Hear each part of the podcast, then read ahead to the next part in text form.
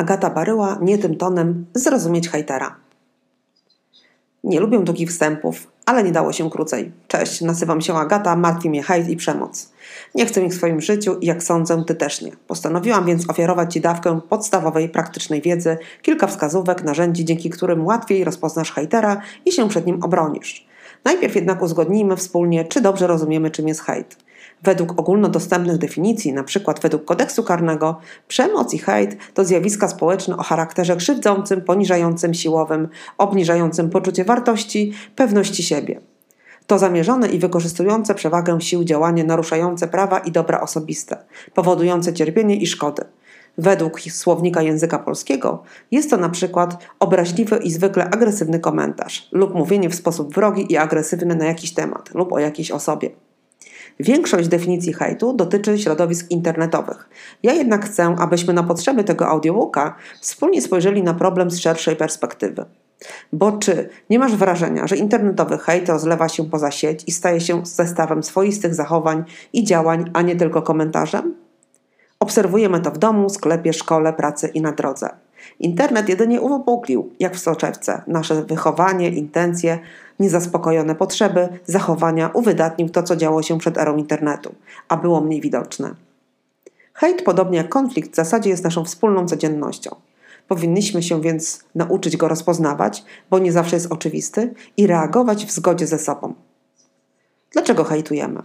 Przez hejt zaznaczamy swoją obecność, wyrażamy lęki, obawy, niedowartościowanie, pogardę, wyższość. Podważamy pozycję osoby lub grupy społecznej ze względu na status społeczny i zawodowy, rasę, płeć, narodowość, poprzez wyrażanie dyskredytującej opinii, manipulację, dewaluację werbalną i niewerbalną. Zjawisko hejtu może być kierowane personalnie wobec konkretnej osoby, a także organizacji czy instytucji. Tyle definicje, a przykłady życia Poznasz ich co najmniej kilka w tej książce, jednak obawiam się, że i tobie zdarzyły się podobne historie. Może się zdziwisz, ale ja też byłam i bywam szakalem, hejterem, również wobec siebie. Każdego dnia pracuję nad tym, by twój i mój styl komunikacyjny był językiem żyrafy. Dziwnie? O co chodzi z tymi zwierzętami? Szakal, żyrafa, co jeszcze? Spokojnie, nie idziemy do zoo. Z wykształcenia jestem kulturoznawcą i dziennikarzem oraz medioznawcą. Wykładam na uczelniach komunikację interpersonalną, kulturę w organizacji, PR i marketing. Od wielu lat piastuję stanowiska menedżerskie, ale zaczynałam od najniższego stanowiska, od tak zwanego dołu. Sukcesywnie i sumiennie uczyłam się, dokształcałam, byłam doceniana i awansowana. Nie zawsze jednak było prosto i słodko. Były łzy, konflikty, upadki, rozczarowania.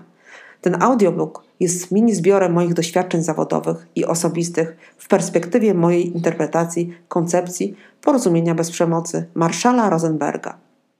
Czym jest porozumienie bez przemocy? Jest to model komunikacji przeciwdziałający przemocy, a zarazem program zachowań komunikacyjnych umożliwiający poradzenie sobie z sytuacją konfliktową. Dr Marshall Rosenberg sformułował i opisał style komunikacyjne oparte na metaforach. Rozróżnił dwa rodzaje komunikatów: język szakala i język żyrafy. Czy domyślasz się, który styl komunikacyjny jest dobrym policjantem? O tym za chwilę. Wiedz, że autor koncepcji opisywany jako najbardziej demokratyczny model komunikacyjny na świecie wyraźnie i stanowczo zaznaczył: szakal i żyrafa to nie metafory ludzi, a styli komunikacyjnych, które oni przyjmują. Dzielę się z Tobą moim doświadczeniem, wiedzą, pasją i obserwacjami, bo czuję i wiem, że komunikacja bez przemocy, hejtu to droga do szczęścia, spokoju, spełnienia zawodowego i osobistego. Wyśnionego dobrostanu.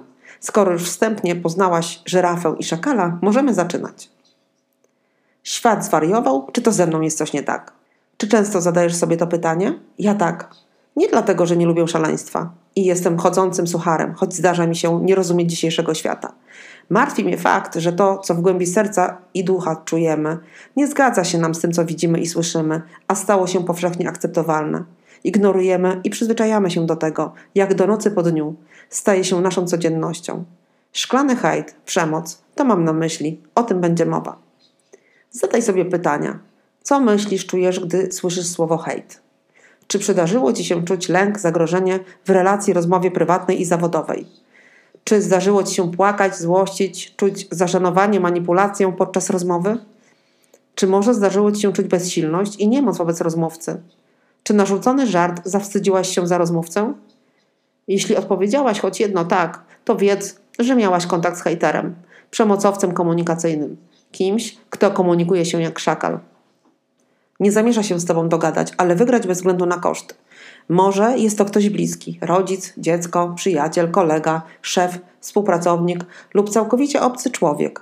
Możesz też ty być hejterem, ale skoro słuchasz tej książki, to jesteś na dobrej drodze do zmiany.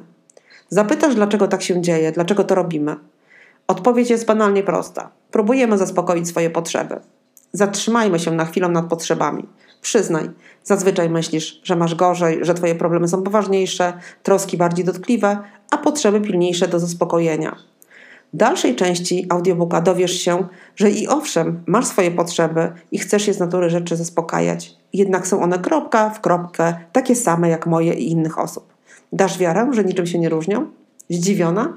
Teraz właśnie myślisz, ale co mnie interesują potrzeby innych? Nie mam czasu skupić się na swoich. Podczas moich audycji, szkoleń, warsztatów, konsultacji czy rozmów ze studentami to pytanie pada dość często. Nie ma się czego wstydzić. Wynika ono z niezrozumienia, jak bardzo opłaca nam się popracować nad empatią i rozumieniem potrzeb przyjaciół, partnera, rodziców, dzieci, współpracowników, czy chociażby pani w sklepie, która właśnie na nas krzyczy, że wstrzymujesz kolejkę, a terminal pika brak środków na karcie. Podbijam Twoje zdziwienie i dodam jeszcze, że w kwestii potrzeb różni nas jedynie strategia, jaką przyjmujemy, by je zaspokajać. Uświadomienie sobie tego jest pierwszym krokiem do sukcesu. W książce wysłuchasz, jak między innymi definiować swoje potrzeby i innych, tak by żyć w zgodzie ze sobą, światem, jednocześnie skutecznie realizować swoje cele i marzenia. Brzmi jak bajka? Niech i tak będzie, byle działało. W dalszej części dowiesz się także, jak rozpoznać i nazwać emocje oraz skutecznie zdystansować się od nich, by panować nad sytuacją. Dowiesz się, jak rozwiązywać konflikty bez krzyku i pięści. Opowiem o dwóch głównych sposobach komunikacji: szakalu i żyrafie, czterech fazach komunikacji bez przemocy, opartych na idei psychologa Marshalla Rosenberga, twórcy Nonviolent Communication. Zaznaczam, że nie jest to opracowanie naukowe, a książka jest wstępem do zgłębiania tej pięknej, prostej i skutecznej idei komunikacji opartej na empatii. Empatii, która jest fundamentem porozumienia bez przemocy, bez hejtu i kluczem do Twojego dobrostanu. Zachęcam Cię do odsłuchania całego audiobooka. Serdecznie pozdrawiam, Agata Baryła.